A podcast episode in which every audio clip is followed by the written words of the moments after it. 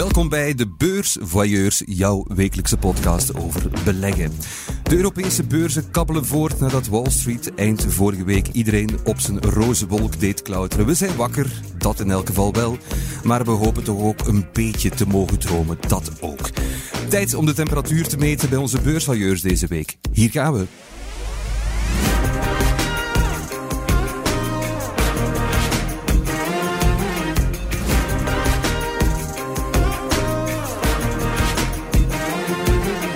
En de beursvailleurs rond de tafel deze week zijn Serge Mampai van de Tijd en Gert Bakelands van de Belegger.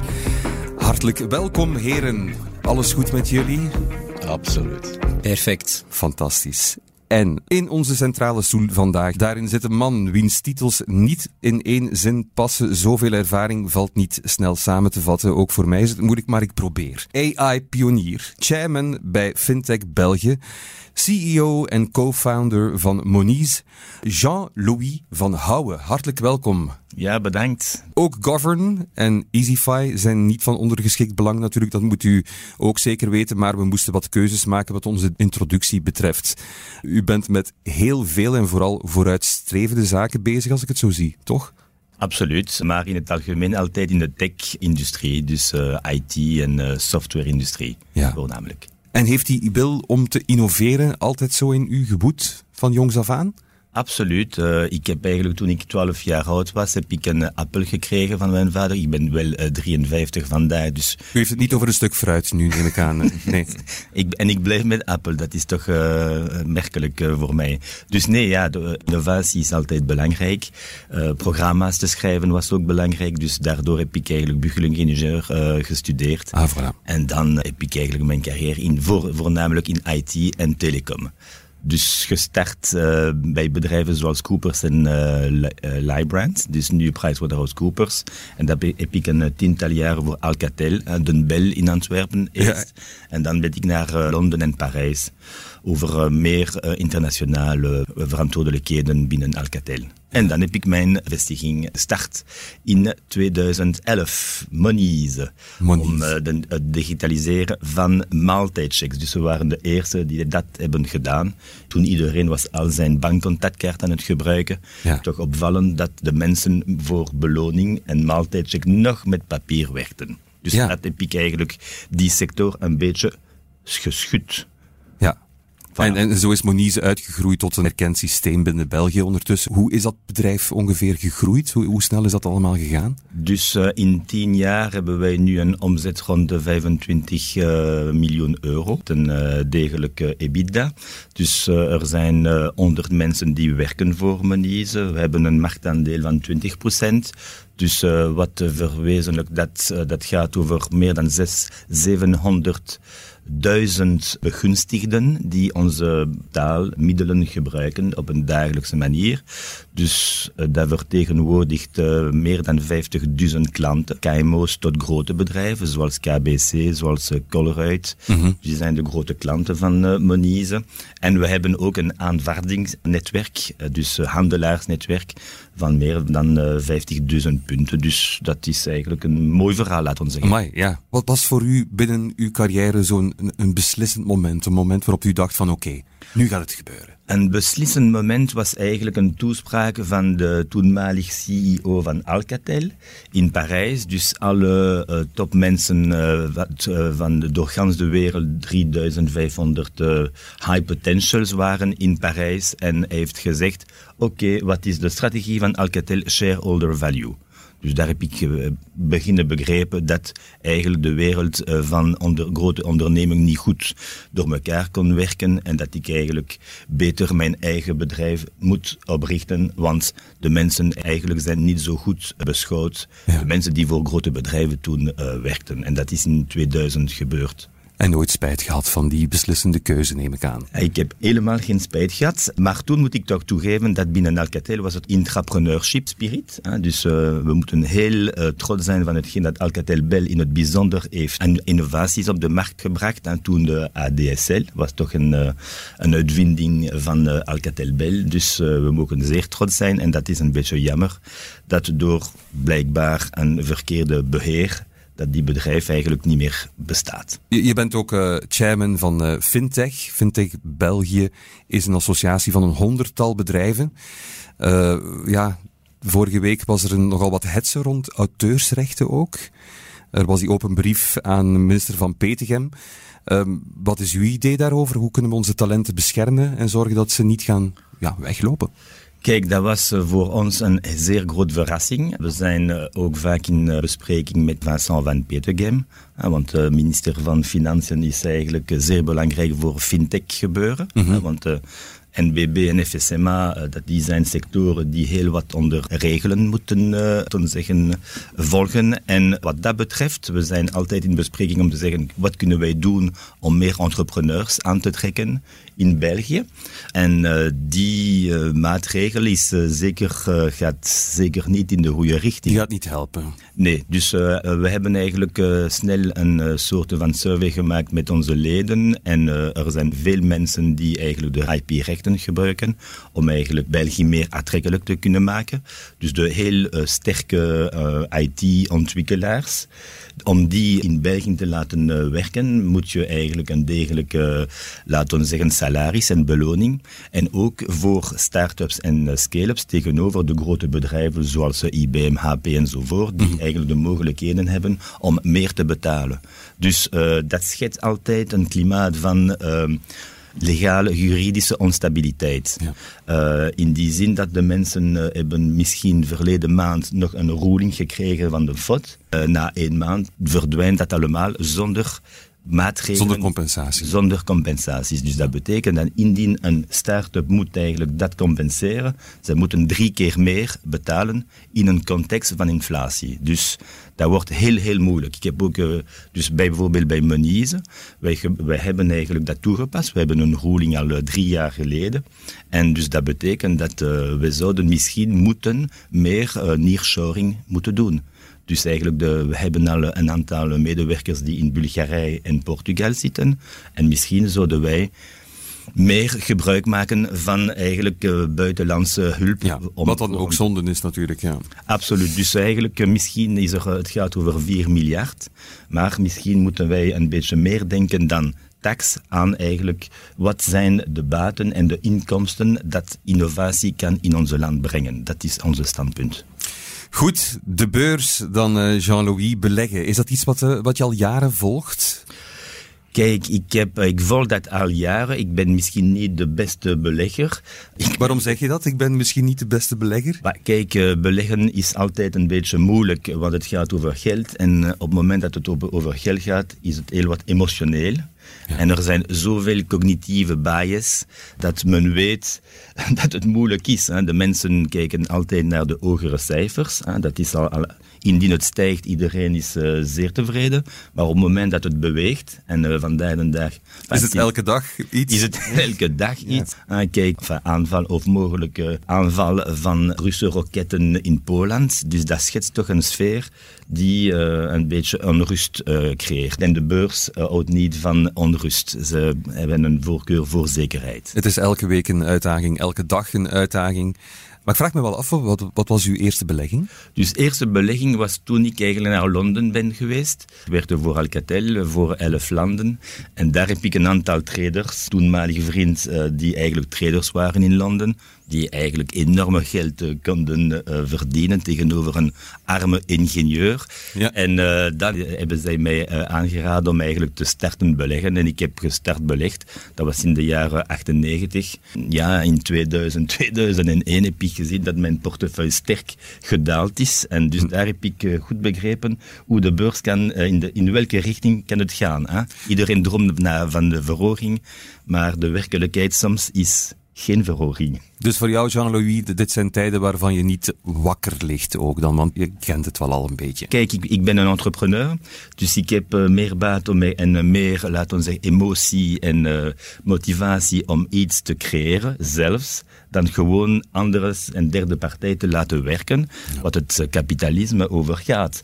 En kijken naar hetgeen dat het gebeurt in ons land, we taxeren eerder de werkers dan de mensen die de renteniers. Dus dat is ook een vraag die wij kunnen stellen in die ethisch van al de maatregelen dat we nemen in ons land. Gesprekstof genoeg, dat voel ik al. Dankjewel, Jean-Louis. Dat was een heel prettige kennismaking al, maar we leren je uiteraard nog veel beter kennen het komende uur. Laten we eerst even terugblikken naar de voorbije week. De beursblik. Ja, het was me wel weer het beursweekje. Benieuwd wat onze experten rond de tafel is graag met ons willen bespreken. Laten we beginnen met Serge. Wat bracht je mee voor ons? Wel een feit dat een beetje ondergesneeuwd is uh, de voorbije week. Heel belangrijk voor het Waalse bedrijf IBA. Nu, IBA staat voor Ion Beam Applications. Dat is een bedrijf uit Louvain-la-Neuve en zij ontwikkelen, zij produceren systemen voor protontherapie. Dat is een uh, manier om kankertumoren heel gericht te gaan bestralen, waarbij het omringende weefsel eigenlijk weinig wordt aangetast, in tegenstelling tot klassieke radiotherapie. Nu, IBA heeft een belangrijke concurrent. Eh, IBA heeft ongeveer 45% van de markt. En het Amerikaanse Varian heeft bijna een kwart eh, van eh, het wereldwijde marktaandeel in handen. Nu, Varian heeft sinds twee jaar een nieuwe aandeelhouder.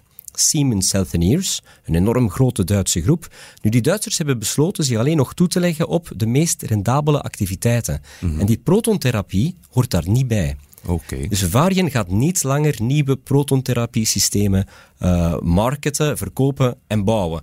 Wat ze nu bouwen, zijn alleen nog de orders uh, afwerken voor uh, ja, bestaande klanten. En ze gaan zich in de toekomst alleen nog op diensten voor protontherapie toeleggen. Nu, Varian, die hanteren al jaren een prijsoorlog met IBA. Zij gingen fors onder de prijzen van de concurrentie, waardoor IBA zijn prijzen ook moest laten zakken natuurlijk. Nu, aan die prijzenoorlog gaat een eind komen.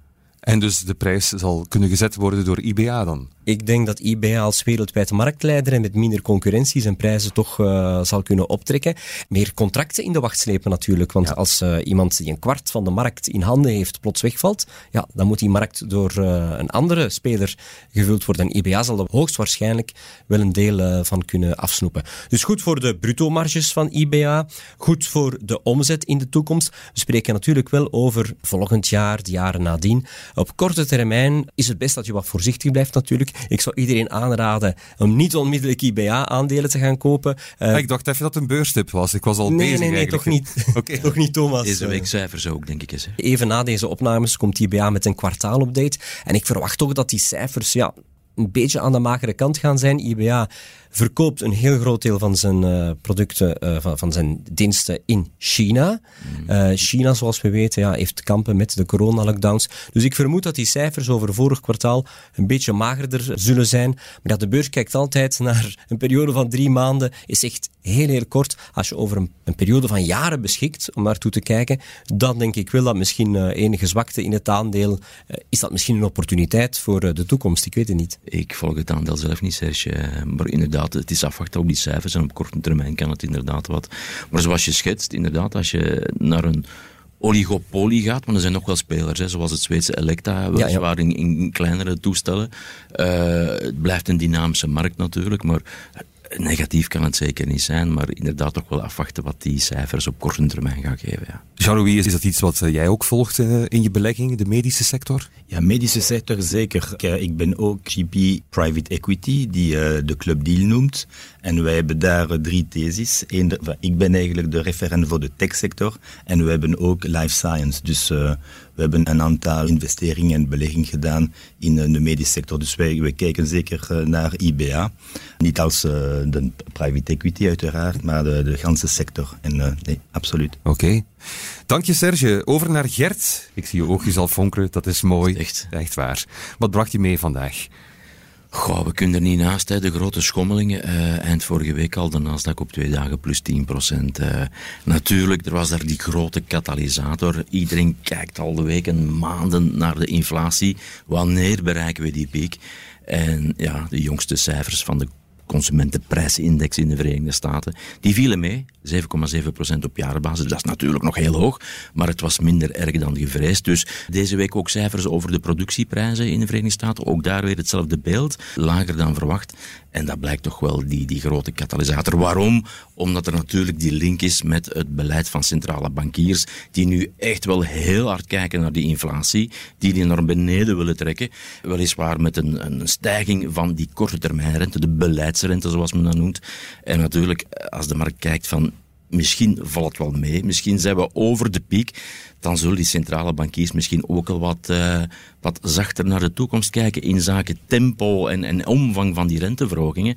En dat zou natuurlijk een, een, iets positiefs voor de beurs kunnen zijn. En betekent dat ook eh, goed nieuws voor sectoren zoals vastgoed of, of telecom? Als je kijkt de voorbije maanden dit jaar, eigenlijk in het algemeen, we hebben een obligatie-crash gehad. Hè. Het is hier veel aan bod gekomen al in de beursfailleur, dus uh, stijgende rentes. En heb je natuurlijk die die rentegevoelige sectoren die er hard onder geleden hebben. Waaronder bijvoorbeeld ook technologieaandelen, hè, Wall Street en Nasdaq specifiek. Mhm. En dan zie je dat dat soort van aandelen het meest profiteert. Vastgoed, een gemengd beeld, in België vooral natuurlijk, uh, omdat er ook wel een aantal kapitaaloperaties zijn geweest. Uh, die jongste dagen, VGP is de laatste, Montea vorige week ook. Dus wat dan ook wel wat ja, koersdruk geeft op, op die aandelen. Mm um, maar je ziet al in elk geval, er was een risk-off modus. En plots is er die katalysator en dan krijg je echt wel die risk-on. Het is, het is manisch depressief, de beurs. Emoties, hè, zoals Jean-Louis zegt, uh, dat, dat zien we inderdaad op de beurs. Zelfs in China. Hè. Forse daling, dit jaar gigantisch gedaald. Heeft er niks met die rente te maken in dit geval, maar dan toch zie je dat uh, plots 10, 10, 15 procent stijgen, alsof het niks is. Dus wat dan toch wel, ja, een, ja in dit geval positief, maar toch allee, zo uh, guurwind. Hè. Je, hebt, je hebt winderig gevoel en dat is nooit, nooit fijn voor beleggers. Het bewijst natuurlijk ook hoe gevaarlijk het is om volledig uit de markt te stappen. Absoluut. De Amerikaanse chipaandelen, op één maand tijd zijn die met 25% gestegen. als je volledig uit de beurs bent, dan mis je natuurlijk een deel van het herstel dat zich dat voordoet. En wanneer dat herstel exact gaat plaatsvinden, dat kan niemand voorspellen. Dus het zal toch wel wat blijven schommelen. Ja. Was dan ook nog die, uh, die crypto-duik, een, crypto-crash? Ja, kwam er ook nog eens bij. Ja, en, en laten we zeggen, de voorbije jaren was er toch wel een, een groot verband, een correlatie tussen technologiemarkten en crypto. Het bewoog in dezelfde richting, laten we zeggen. Hè. Uh, en dan zie je nu toch wel dat die correlatie, dat die eigenlijk wel uh, natuurlijk door bepaalde schandalen op de cryptomarkten en zo. Um, maar goed, het is, het is een fenomeen, het is nieuws, maar ik wil er eigenlijk ook niet te diep op ja, ingaan. Niet dus we zijn nooit fan geweest van die cryptomarkten. Nee, ik, ja, ik ben, eigenlijk, ook niet, uh, ben eigenlijk blij dat de crypto-munten, ja. ik durf het zelfs geen munten noemen, de crypto-dinges, serieuze klappen krijgen. Want ja, intrinsiek blijven die dingen allemaal nul waard. ik heb het al meerdere keren gezegd. Dus zoals de tulpenbollenhandel eh, in de 17e eeuw. Een, een cryptomunt is waard wat een eh, gek ervoor wil geven, maar meer ook niet. Hè. Het is goed dat die impact hè, van die misère op die cryptomarkt, dat, dat die impact op de rest van de financiële markt eigenlijk heel beperkt is. En dat, is, dat is goed nieuws. Hè. Dat, dat, dat, betekent ook misschien dat, ze wel, ja, dat het niet zo belangrijk is. De cryptomarkten nu naar de daling is 1%, 1% van de totale aandelenmarkt wereldwijd. Dus het is klein. En voor mijn part mag dat heel klein blijven. Jean-Louis, het wordt heel moeilijk om daar nog op te antwoorden natuurlijk. Maar heb je alles aan crypto bezondigd? Ja, absoluut. Voilà. Uh, een uh, Binance-rekening. dus we moeten eigenlijk een beetje volgen wat de verschillende tendenties bestaan. in het bijzonder binnen Monize bijvoorbeeld de jongeren, de jeugd.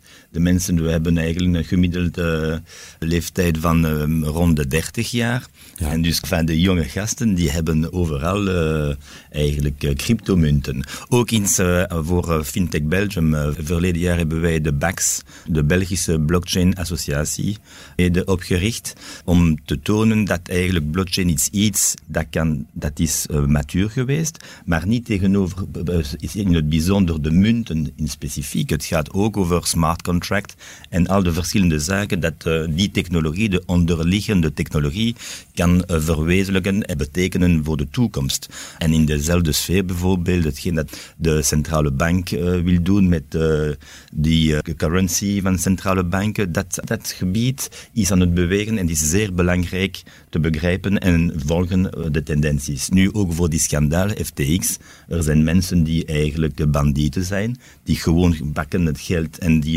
investeringen ergens anders.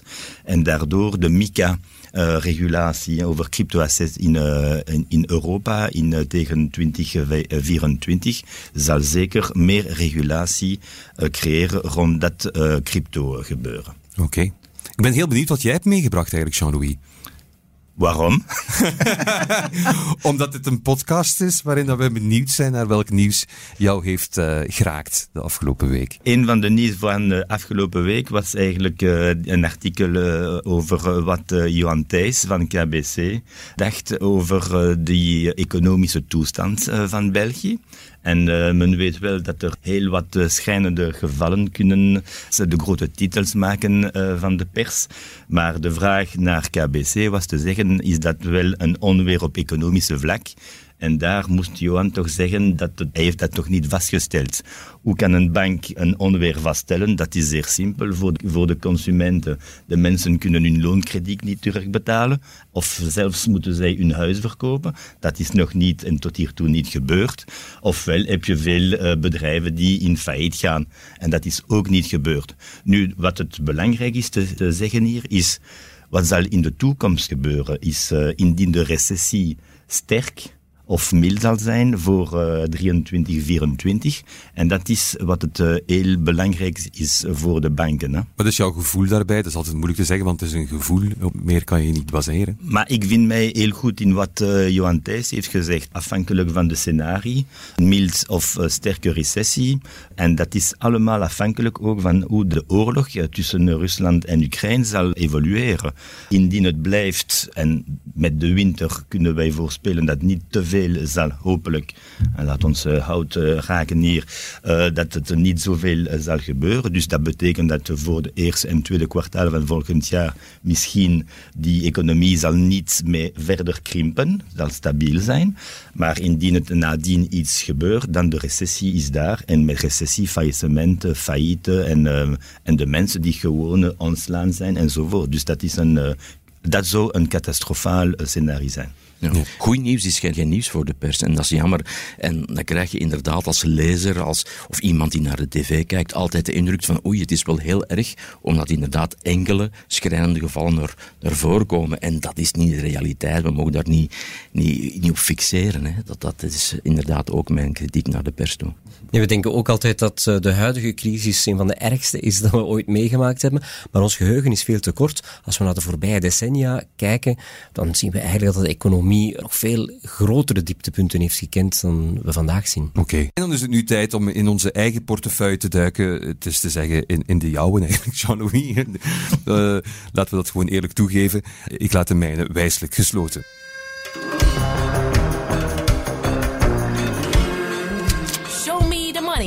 Show Me The Money is het gedeelte van de show waar onze vragencomputer Wanda het uh, helemaal overneemt. Wanda Buffett, we vragen jou een cijfer te kiezen van 1 tot 20, Jean-Louis. En voor elk cijfer staat een vraag. Ik weet niet wat er komt. Zullen we eens proberen? Oké, okay, laat ons uh, vraag nummer 2. Vraag nummer 2. Even kijken. Als je één tip zou moeten geven aan startende beleggers, wat zou dat zijn? Dat is al een mooie vraag. We horen het antwoord dadelijk na dit. Jean-Louis van Houwen, CEO en founder van Monize, is hier bij ons te gast en wordt momenteel gegijzeld door Wanda, onze vragencomputer bij de tijd. Ze kwam net met een eerste vraag en die is nog relatief braaf, vind ik toch, Jean-Louis? Ja, ja, Wanda is uh, vrij degelijk braaf, ja. absoluut. Als je een tip kon geven aan een beginnend belegger, welke tip zou dat dan zijn, Jean-Louis? Maar kijk, iedereen moet zeggen dat de mensen moeten diversificatie doen. Dus uh, dat is de enige manier om uh, goede belegging te gaan doen. Dus diversificatie in sectoren, spreiden, ja. spreiden in sectoren, in gebieden, in geografie. Ook voor een stuk groeiende bedrijven of bestaande bedrijven. Ik zeg iets niet nieuws, maar Iedereen moet dat weten. Ja. Ik herinner nog de mensen die eigenlijk één aandeel in Fortis hadden toen, een grote familie die plots moesten werken. Dus de mensen moeten toch goed begrijpen dat, laat staan, ze hebben het geld niet verdiend zelfs. Ze moeten toch een beetje bewust zijn uh, van de manier waarop zij investeren. Maar er komt ook veel emotie bij kijken, psychologie, al dat soort dingen. Hoe, hoe ga je daarmee om? Hoe, hoe, zorg je dat je altijd toch, wat er ook gebeurt, koelbloedig blijft? Want dat is toch ook een heel belangrijke factor om onder controle te houden. Absoluut. Dat is net zoals wijn te drinken. Indien u eigenlijk voor een diner gaat en u zet niet uh, eigenlijk vast er op voorhand hoeveel aantal wijnglazen zal u eigenlijk mogen drinken, dan kunt u soms een beetje overdrijven. Dat is net zoals voor de beurs. Indien u eigenlijk de objectieven niet vaststellen, om te zeggen, oké, ik kies voor die koers. Indien die koers uh, naar, naar beneden gaat en in welke omstandigheden moet je verkopen of gewoon een, een grote rug hebben en gewoon niet meer kijken naar die aandeel. Je moet dat allemaal op voorhand definiëren. En dan zijn de emotie los van de werkelijkheid van de vandaag de dag. Dus we hebben nu net over Nasdaq gepraat, 10% verhoging. We hebben voor de twee laatste jaren van COVID-crisis alle de tech- en, en beursgenoteerd bedrijven van de GAFA gingen eigenlijk naar de hemel. En nu vandaag de dag iedereen is aan het huilen. Dus je moet altijd goed je objectief op voorhand, op voorhand bepalen. Je maakt een mooie metafoor met een etentje en op voorhand bepalen hoeveel wijntjes je gaat drinken. Absoluut. Doe je dat echt? Absoluut. Ik heb Ja, dat zelfs hebt- gisteren gedaan. Ik had Ja? een fintech-diner en ik heb gezegd, ik drink geen wijn, want ik moet eh, niet elke dag eh, wijn drinken. Ik, heb, ik ben een eh, heel grote wijnlover, dus daar moet ik eigenlijk mijn limieten op voorhand vaststellen. En dan kan je echt Spartaans zeggen, gewoon niets. Het wordt water vanavond. Dat was het, de, de dag van gisteren.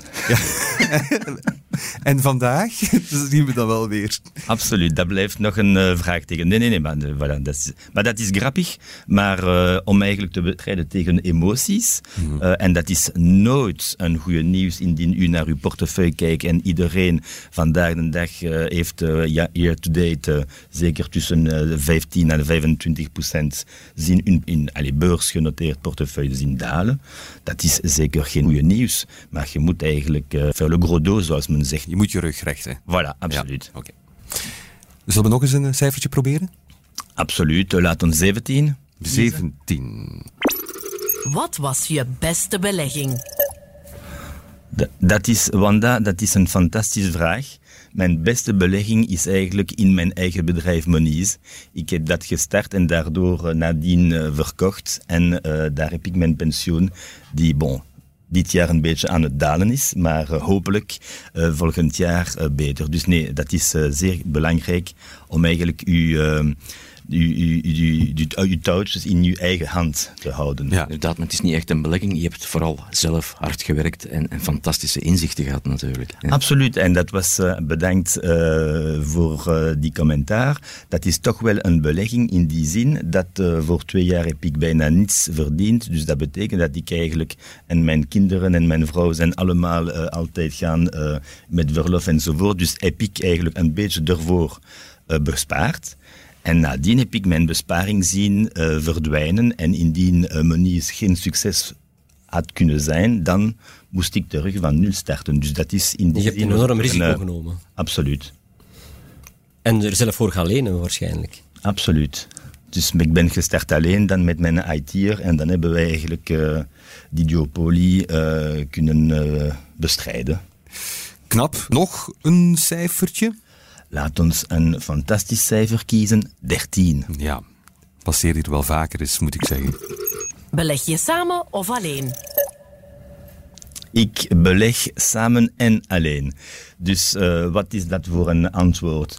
Dus uh, kijk, uh, alleen ik heb eigenlijk in belegging is het belangrijk om eigenlijk de verschillende ratio te bekijken. Ratio in de type van investering. Uh, vastgoed, uh, dan uh, private equity, uh, cash, beursgenoteerd. Dus ik heb eigenlijk mijn ratio's voor mijzelf gedefinieerd en ik probeer mij aan te houden aan die ratio's. Daar de diversificatie. Maar dat is alleen. En dat, is, dat heb ik alleen gedaan. Voor vastgoed, dat is eigenlijk iets die ik alleen doe. Hè? Dus uh, onroerend, zegt men wij. En dan heb ik eigenlijk, ik ben geholpen door privébanken om eigenlijk verschillende beleggingopportuniteiten. Plus ook, ik beleg in, of ik investeer in enkele start-ups ook, waar ik heel, wat risico. Maar die, de ratio van hoeveel geld van mijn van mijn totale rijkdom. Uh, rijkdom? Ja, dat, als, als het voilà. zoveel is, mag je zeker nee, nee, maar uh, dat is zeker een beetje overdrijven. Maar vermogen, uh, vermogen um, blijf ik in die verschillende techbedrijven aan het investeren. En dat is altijd ook iets waar ik heel wat emotie en, ja. en vreugde zie. want ondernemen is altijd iets fantastisch. Dat vind, creëren. dat vind ik absoluut positief, dat je niet gewoon op een, een berg geld gaat zitten, maar dat ook gebruikt om jonge bedrijven te steunen. Niet alleen financieel met kapitaal, maar ook ja, met, met uw know-how waarschijnlijk, met uw netwerk. Uh. Ja, absoluut. Uh, ik ben uh, vaak in de raad van bestuur en dus zoals uh, daarvoor aanhield met uh, onze nieuwe bedrijf Govern, die eigenlijk toelaat om eigenlijk uh, raad van bestuur beter te ondersteunen met een software. Daar hebt u als rol de ondersteuning van de ondernemers, sommige deuren openmaken. en dat is zeer belangrijk. Dat is een stuk van wat een ondernemer kan doen, is gewoon teruggeven aan die community. Oké. Okay. Zullen we nog een cijfertje proberen? elf. Wat is jouw strategie? Dus diversificatie. Dus welke zijn de magic cijfers? Laten we zeggen 30% in eh, vastgoed, 10% in cash. Je weet nooit uh, indien u eigenlijk iets, uh, een noodtoestand zou hebben. En dan de overblevende 60%. 25 in private equity of belegging in uh, start-ups. 25% in stok, fondsen, trackers en dergelijke. En dan 10% nog bijna cash of eigenlijk zaken die een beetje minder uh, schommelen, uh, veiliger, zoals is dat uh, staatbond of obligaties. Liquide of, zaken die je snel ja. ten gelde kan maken om te kunnen inspelen op opportuniteiten. Absoluut, ja. ja. Dat is, die zijn mijn ratio's. En ik probeer eigenlijk mij aan te houden aan die ratio's. Oké, okay. Jean-Louis, zullen we nog eentje doen? Eentje om af te ronden. Uh, laten we zeggen uh, negen. Wat is jouw einddoel? Oeh, dat is een uh, mooie vraag dan Wanda bedenkt om die te stellen. Ze eigenlijk. Voor, voor als laatste vraag gehouden. Wat is het einddoel? einddoel, beleggen is iets maar einddoel uh, van, je moet eigenlijk naar je reden van bestaan kijken. En uh, eigenlijk iedereen probeert eigenlijk blij te zijn en iets te doen die zinvol is. En dat is mijn einddoel, zinvol en blij te zijn. Mm -hmm. En geld is gewoon iets, geld is een middel, maar dat is zeker geen objectief. Zo simpel is het. Sorry. Ze is gewoon van ontroering helemaal stil geworden, Wanda. Dus uh, ik denk dat we het hierbij kunnen houden. Dankjewel, Jean-Louis. Tijd om eens met deze knappe koppen een luisteraar te helpen nu. De hulplijn. U weet ons telkens weer te vinden, beste luisteraar, en dat stemt mij zeer tevreden, want we zijn hier per slot van rekening om u te helpen. Onze luisteraar deze week heet Arthur. Dag Arthur. Hallo. Beste Arthur, ben je trouwe luisteraar van de Beursvoyeurs? Jazeker, ik luister uh, zo goed als elke podcast van de Beursvoyeurs. Fantastisch, dat is heel mooi. Je klinkt nog jong, kan dat? Uh, ja, dat klopt. Ik ben uh, 18 jaar. Wow, fantastisch. Ben ik extra blij omdat je naar de beursvailleurs luistert natuurlijk. Maar ik ben vooral benieuwd, wij hier allemaal, hoe kunnen wij, dit straffe team hier aanwezig, ik heb daar niets mee te maken, maar jou helpen, Arthur? Um, ja, ik heb eerder een uh, praktische vraag omtrent uh, de fiscale voordelen in uh, België, omtrent bijvoorbeeld de dividendbelasting. In België is er een dividendbelasting en die kan gerecupereerd worden maar ik weet niet hoe dit praktisch in zijn werking gaat. Welke bewijsdocumenten dat je bijvoorbeeld nodig hebt. Ja, dat is een goede vraag. Maar ja, je bent 18, dus ben je dan nog te lasten? Nee, je bent niet meer te lasten van je ouders dan, denk ik, als je 18 bent. Zo zit het toch, hè? Uh, nee, ik ben wel nog altijd te lastig. Ah ja, want je, studeert nog natuurlijk, dus dan, of, ja. of hoe werkt dat ook weer? Zitten hier allemaal naar mij te kijken van de soeten is weer bezig. Zeg, ik, had, ik had dat jullie overlaten. ja. Maar goed, ja, Gert, eh, wil jij gewoon het overnemen? Dus het is een heel goede vraag van Arthur, maar ik ga er zelf niet aan beginnen. Goh, uh, ik ben uiteraard geen, geen fiscalist, maar uh, er zijn wel degelijk voordelen. Hè. Laten we zeggen dat in België de eerste 800 euro aan dividenden uit aandelen dat die vrijgesteld zijn van roerende voorheffing. Je gaat het wel netto krijgen, dus je hebt het betaald, die 30% roerende voorheffing, maar je kan die dus terug recupereren, 30% op 800 euro. Dan komen we aan 240 euro die je maximum per persoon, dus voor een koppel is dat uiteraard twee keren, uh, die je kan recupereren. Moet je dus wel een, een belastingsaangifte doen natuurlijk om het te, te kunnen recupereren. Dat is toch niet niks, uh, 240 euro netto, is toch mooi, is, is, is meegenomen alleszins. Hè? Mm -hmm. Je moet het ook absoluut zelf invullen. Tegenwoordig, als je je belastingbrief krijgt, de fiscus voelt al heel veel op voorhand in, maar dat nooit. Dus je moet dat altijd zelf uh, er zeker aan denken om de dividendbelasting die je betaald hebt te recupereren. Oké. Nu, allee, er zijn nog fiscale elementen. Hè. Ik denk aan uh, pensioensparen. Uh, ook daar een bedrag van 990 tot zelfs 1200 en zoveel. Maar dan krijg je maar 25% terug. 30% op die 990. Dan moet je wel inkomsten hebben. Dus dan moet je een soort van inkomen genereren. Doe een vakantiejob. En het kan al natuurlijk. Hè. Trouwens, ik denk dat in het algemeen interessant is. Doe een vakantiejob. Heb inkomsten. Geef ze aan aan de fiscus. En stel dat je meer dan die 800 euro aan, aan dividenden int, geef ze aan. Waarom? Ja, Natuurlijk, tot een bepaalde schijf ga je maar, eh, die is vrijgesteld. En dan de eerste schijf is ook nog een pak lager dan die 30% die je eigenlijk al betaald hebt aan, aan roerende voorheffing op die dividenden. En zo kan je ook op die manier eigenlijk een stuk, een heel groot stuk van de betaalde uh, roerende voorheffing recupereren. Uh, dus eigenlijk een stukje werken, dat is goed voor het inkomen. Hè? Uh, goed om weer te sparen, om meer te kunnen beleggen en ook om meer uh, van vadertje staat eigenlijk te kunnen terugtrekken. Of eigenlijk wat je te veel betaald hebt. Hè? Want je mag niet vergeten, dividenden, ja, wat is dat? Dat is eigenlijk een stukje uitkering van al belaste winst waar je dan nog eens als aandeelhouder nog eens belasting op betaalt. Dus het, het mag een beetje, het moet niet te gek zijn ook niet, hè? toch? Jean-Louis? Absoluut. En daar, nee, ik leg er, want uh, je vergeet dat met dit geld kunt u iets aankopen en daar betaalt u BTW. Altijd gejost. Absoluut. De staat neemt een heel groot percentage weg. Wat ik nog wil aanvullen eigenlijk is eh, wanneer je buitenlandse aandelen koopt. Uh, normaal gezien zijn uh, die dividenden van buitenlandse bedrijven twee keer belast. Eén keer in het land van oorsprong en nog eens, en nog eens hier. Dus je dreigt wel heel veel belastingen te betalen. Zeker in landen met, uh, net als België, een hoge dividendtax, zoals Duitsland, Frankrijk bijvoorbeeld. Um, je kan dat voor een stuk omzeilen uh, omdat er dubbel belastingverdragen zijn met bepaalde landen. Zo kan je bijvoorbeeld voor Frankrijk, hè, soms doet uw broker dat, soms moet je dat zelf nog in uw belastingbrief invullen, redelijk wat documenten voor, uh, voor bijhouden en, en invullen. Maar je kan dus een deel van die dubbel betaalde belasting recupereren. Maar nog eens, ja, sommige brokers die doen dat voor u en dat is natuurlijk veel makkelijker.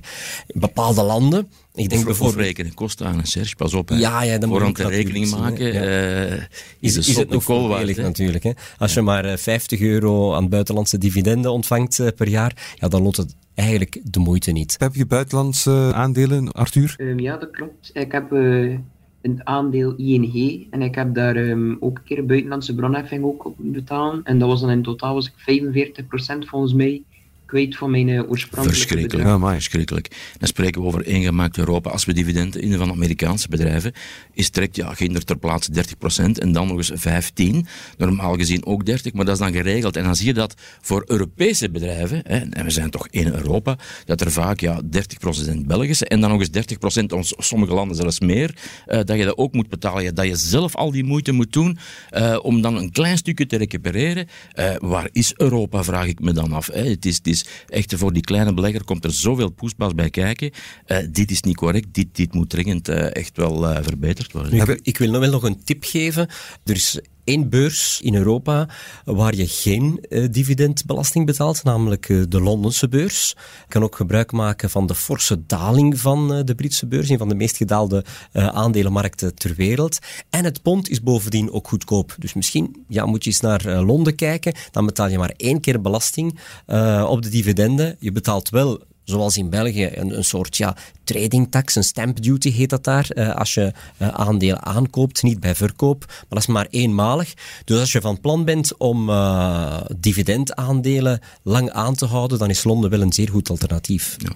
Jean-Louis had het straks nog, ook nog even over fiscale hervorming en zo. Ik hoop ook van harte dat men toch die aandelencultuur blijft aanmoedigen in België. Dat ook de gewone mens die stap zet naar de beurs en dat we echt niet ja, belast worden met nog meer uh, regeltjes en belastingen en zo, dat we echt wel uh, ja, mensen naar de beurs brengen. En dat fiscaliteit daar een, een, een element, een, een, sturend element in kan zijn. Arthur, zit je al op de Londense beurs?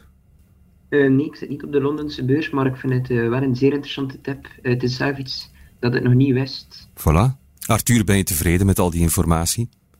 Uh, zeker weten. Uh, Jean-Louis, je hebt ook nog een aanvulling? Ja, nee, eigenlijk, ik, ik heb een vraag voor Arthur. Waarom uh, kiest hij eigenlijk traditionele waarden, 18 jaar oud? Op, toen ik jonger was, keek ik minder naar de eigenlijke waarden die uh, eigenlijk dividenden geven, maar gewoon uh, die in een groeisector waren.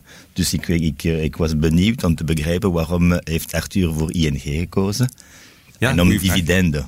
Ja, waarom is het Arthur? Ik heb ING um, gekocht, voornamelijk omdat ik zag dat de rente omhoog ging uh, in, de, in het begin, toen dan de rente begon te stijgen. En ik dacht dat dat wel interessant was om dan uh, een, een van de aandelen in de banksector te kopen en dan specifiek ING, omdat ze ook wel, vind ik, een mooi dividend uitkeren en toch wel een, allee, een redelijk betaalbare koers hebben.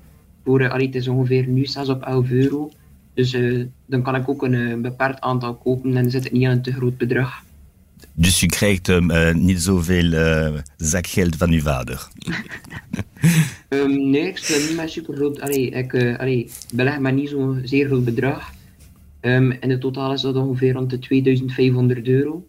Dus ik moet wel oh, een beetje spreken. Alsjeblieft, dat is ook niet weinig, hè? Dat is, dat is, dat is al ja, mooi. ik weet het. het voor mijn leeftijd is dat wel niet ja. weinig, ik weet het. Maar toch, als je een beetje wil springen, moet je wel een beetje met kleine bedragen spelen om het risico te verminderen. Ja, absoluut. Ik heb de indruk dat hij goed weet wat hij aan het uitspoken is, onze vriend Arthur. Uh, wat studeer je eigenlijk? Uh, ik studeer accountancy fiscaliteit. Ah ja, ah, voilà. zeer goed. Dus we moeten het eigenlijk aan jou vragen. Ja. Maar ja, ja. Dat is gewoon een toets. Dat is een toets voor onze, onze experts hier, onze voyeurs. Zijn ze er door? Of anders geef ik ze tweede zit, hè? zeg het maar. Nee, ik vind het zeker weten interessant. Dankjewel, Arthur. Heel fijne vraag. En je weet tegen dat je je belastingbrief moet invullen, stuur het gewoon door naar podcast.tijd.be. Dan zorg je dat dat allemaal in orde komt. Goed, ja. tot de volgende keer, Arthur. Veel succes, bedankt voor de vraag.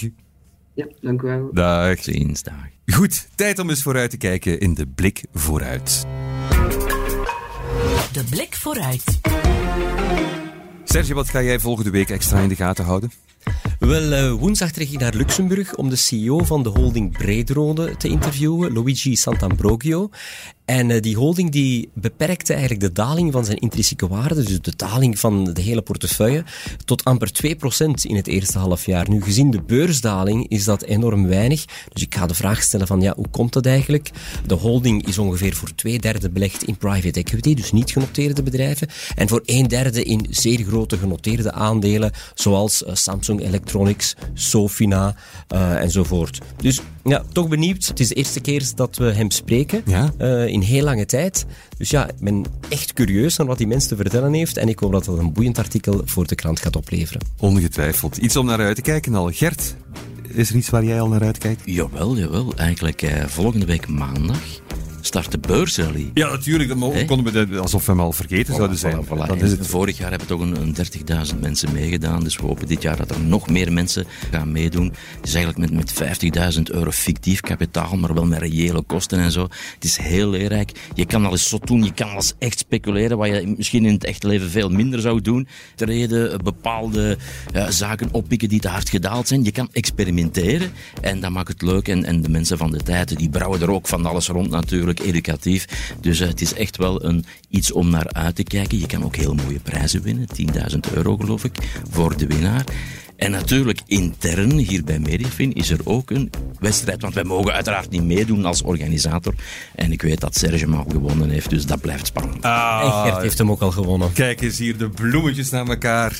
En uh, spannend inderdaad. Uh, absoluut om naar uit te kijken. Volgende week donderdag is er ook een live chat. Dus de mensen kunnen vragen stellen via onze website uh, over de beursrally. En ik ga die proberen zo goed mogelijk te beantwoorden. Er staat heel wat te gebeuren. Allemaal spannend. Ik ben benieuwd wat het zal opleveren allemaal. Jean-Louis, is er iets wat bij jou op de planning staat waar je specifiek naar uitkijkt? Kijk, ik heb een belangrijke vergadering met een grote bank volgende week. Om eigenlijk verder samenwerking te hebben met de grote banken in België. Dus KBC is de eerste bank die terug ondersteunt eigenlijk innovatie, onze Fintech Belgium associatie. En volgende week heb ik daar een fantastisch lunch. En ik zal zien indien nog een tweede bank kan eigenlijk samen met ons werken. Kom je naar de beurs, Jean-Louis? Ah, misschien. Echt? Nee, nee, zeker niet. We zijn de privébedrijven, dus helaas. Allee, twee spannende meetings met de banken in het verschiet. Heb je al bepaald hoeveel wijntjes je gaat drinken? Eigenlijk dat is een lunch, dus ik drink nooit weinig gedurende een lunch. Maar je bent echt een Spartaan. Gewoon, het wordt alleen maar erger. Absoluut, absoluut. Kijk. Desalniettemin, fantastisch dat je er was, Jean-Louis. Het was heel fijn om jou beter te leren kennen. En dit was het voor vandaag. Ik bedank onze beursvailleurs van dienst Gert Bakelands en Serge Mampai, onze luisteraar Arthur en natuurlijk ook onze bekende vailleur Jean-Louis van Ouwe. Volgende week zijn we opnieuw met een nieuwe bekende vailleur die nog niet al te veel kwijt wou, behalve dit. Graag tot volgende week. Hallo, beursvailleurs. Of ik iets wil vertellen over beleggen en stilstaan bij de afgelopen beursweek. Maar het zal wel zijn dat ik. Doe ik niet anders. Doe mij eens over iets anders praten. Dat is pas een uitdaging. Wie ik ben? Wel, laten we zeggen, een bergbeklimmer. Maar alleen cashbergen. Allee, tot volgende week dan, hè. Dag. Dit was de Beursvoyeurs. Presentatie door Thomas de Soete, productie door Anne-Sophie Moerman. Mis het beursnieuws niet op tijd.be. Graag tot volgende week.